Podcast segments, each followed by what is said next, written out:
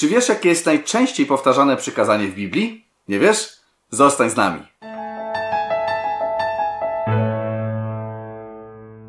Otóż najczęściej powtarzanym przykazaniem w Biblii jest no nie, nie z przykazanie miłości. E, to jest co prawda największe przykazanie, o czym Pan Jezus wyraźnie powiedział, ale przykazanie, czy zalecenie, czy tak, takie y, powiedzianie, po, po, y, czy przekazanie nam, abyśmy się nie bali. Nie bójcie się. To jest najczęściej powtarzana fraza y, z takich przykazań, rozkazów w Biblii. Y, I to jest bardzo ciekawe, ponieważ przecież w Księdze Objawienia w 14, w, werset, w trójanielskim poselstwie czytamy takie słowa mówiącego donośnym głosem: Bójcie się Boga i oddajcie mu chwałę, bo przyszła godzina jego sądu. Oddajcie pokłon temu, który stworzył niebo i ziemię, morze i źródła wód. My, jako chrześcijanie, którzy mają wypełnić właśnie to trójanielskie poselstwo, mamy iść z tą Ewangelią wieczną, o, której czytamy w wersecie poprzednim. I co mamy mówić? Ewangelia, dobra nowina. I mamy iść, wejść tam i powiedzieć, bój się Boga. No to piękna Ewangelia, no nie? Naprawdę, no fantastyczna, dobra nowina. Bój się Boga i w ogóle masz drżeć. E, no i, no ale nawet, nawet zobaczmy dalej, czy to chodzi o taką zwykłą bojaźń. Zauważ, że na przykład w psalmie 33 e, jest tak to ujęte, ale tym razem wyjątkowo z Biblii Warszawskiej przeczytam, ponieważ, e, Michał nam przeczyta, ponieważ jest tu jeszcze dosadniej pewna rzecz pokazana.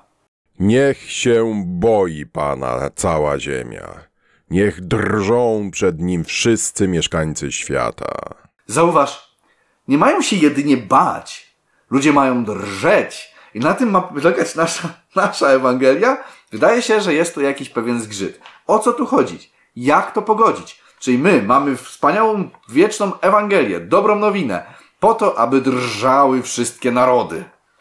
I tak jakby się zastanowić, to zastanów się, takiego tyrana, wyobraź sobie największego tyrana na świecie – Jakikolwiek by on nie był, jaki najgorszy tyran, taki, który miliony ludzi gdzieś tam wymordował. I zastanów się, czy bałbyś się go na tyle, żeby nie móc na niego spojrzeć?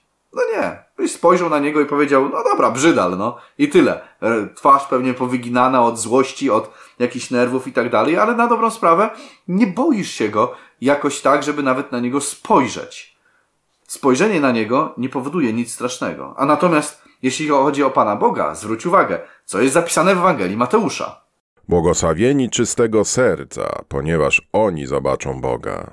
Wow, czyli tylko błogosławieni czystego serca, bo tylko oni zobaczą Boga. To jest niesamowite. Cała reszta zostanie zabita blaskiem Jego chwały, blaskiem Jego przyjścia. Czyli każdy inny, który gdzieś tam spojrzy na Pana Boga, zostanie zabity. I to jest właśnie bardzo ciekawe, ponieważ prorocy, którzy gdzieś tam widzieli na przykład y, cień tam Pana Boga, czy w ogóle tron, albo chociażby aniołów, oni myśleli, że oni zaraz umrą.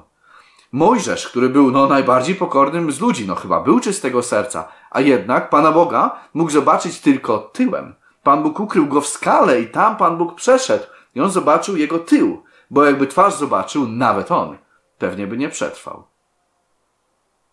Wow. Teraz dlaczego? Dlaczego tak to działa? Dlaczego, dlaczego my mamy głosić tą właśnie Ewangelię, dobrą nowinę, jako że mają się ludzie bać Boga? I tak się zastanawiałem nad tym, co jest takiego w Panu Bogu, że mamy się Go bać. Przecież On jest Bogiem miłości. On nie jest tyranem. A nawet jeżeli byłby najgorszym z tyranów, tak jak powiedzieliśmy, to nie ma problemu, żeby spojrzeć na jakiegoś tyrana i tyle. Problem polega na tym, że Bóg jest tak święty, i tak doskonały, że my, jako grzesznicy, nie damy rady po prostu na niego patrzeć i nie mieć, i przeżyć, i nie postradać sobie zmysłów. Nie jesteśmy w stanie. Czyli problem nie jest tego, że on jest tak straszny, że my nie możemy na niego nawet spojrzeć, tylko że my jesteśmy tak okropni, że nie możemy na niego spojrzeć, bo on jest tak doskonały. I tak się zastanawiałem, jaki zatem, jakie zatem może być połączenie między bojaźnią a łaską. Czy w ogóle jest jakieś? I okazuje się, że jest parę wersetów, które pokazują nam pewne, pewne połączenie. Zachęcam Ciebie również do napisania w komentarzach, jakie Ty znalazłeś. Przeczytajmy z listu do Hebrajczyków jeden fragment. Dlatego otrzymując królestwo niezachwiane, miejmy łaskę, przez którą możemy służyć Bogu tak, jak mu się to podoba, z czcią i bojaźnią. Czyli patrz, co tutaj jest napisane? Że my mamy mieć łaskę i to przez którą? Przez, przez tą łaskę możemy służyć Bogu właśnie tak, jak mu się to podoba z bojaźnią. Kumasz? Czyli to my dostajemy łaskę i dlatego możemy czcić Boga z bojaźnią. Czyli fakt, że okazano nam łaskę, sprawia, że my się boimy Boga. Ha, dziwna koncepcja. O co tu chodzi? Otóż w momencie, gdy dostajesz łaskę, gdy widzisz Boga, charakter Boga w Jego pełni, czyli Chrystusa na krzyżu, wtedy widzisz Jego wielkość, Jego majestat, to jaki On jest wspaniały. I w tym momencie, no, to jest coś dużo więcej niż największy tyran jakiś tam na, na ziemi. Bo każdy, każdy człowiek może być tyranem. Każdy z człowiek może czynić zło. To nie jest jakiś wielki problem. Każdy człowiek może robić chaotyczne ruchy i, i chaotyczne, bez sensu rzeczy, mordować i tak dalej. To nie jest jakiś problem. Problemem jest, aby żyć bez grzechu. Problemem jest, aby być świętym. I jeżeli pokaż mi chociażby jednego sprawiedliwego, nie ma. Nie ma ani jednego. Więc jeśli ktoś jest doskonały na tym świecie, w tym świecie złym, no to wymaga to, no jest to wielkość. Jest to tak wielka istota, że powinniśmy do niej podchodzić z wielką czcią. Właśnie z taką bojaźnią. U Nehemiasza widzimy podobne stwierdzenie. Zwróć uwagę. Proszę, panie, niech twoje ucho będzie uważne na modlitwę twego sługi i na modlitwę twoich sług, którzy pragną bać się twego imienia. Sprawdź proszę, aby poszczęściło się Twemu słudze i okaż mu łaskę na oczach tego człowieka. Byłem bowiem pod czaszem króla. Patrz, to są ludzie, którzy chcą bać się Twego imienia, Panie. Tak, takie jest stwierdzenie. Dlatego okaż im łaskę.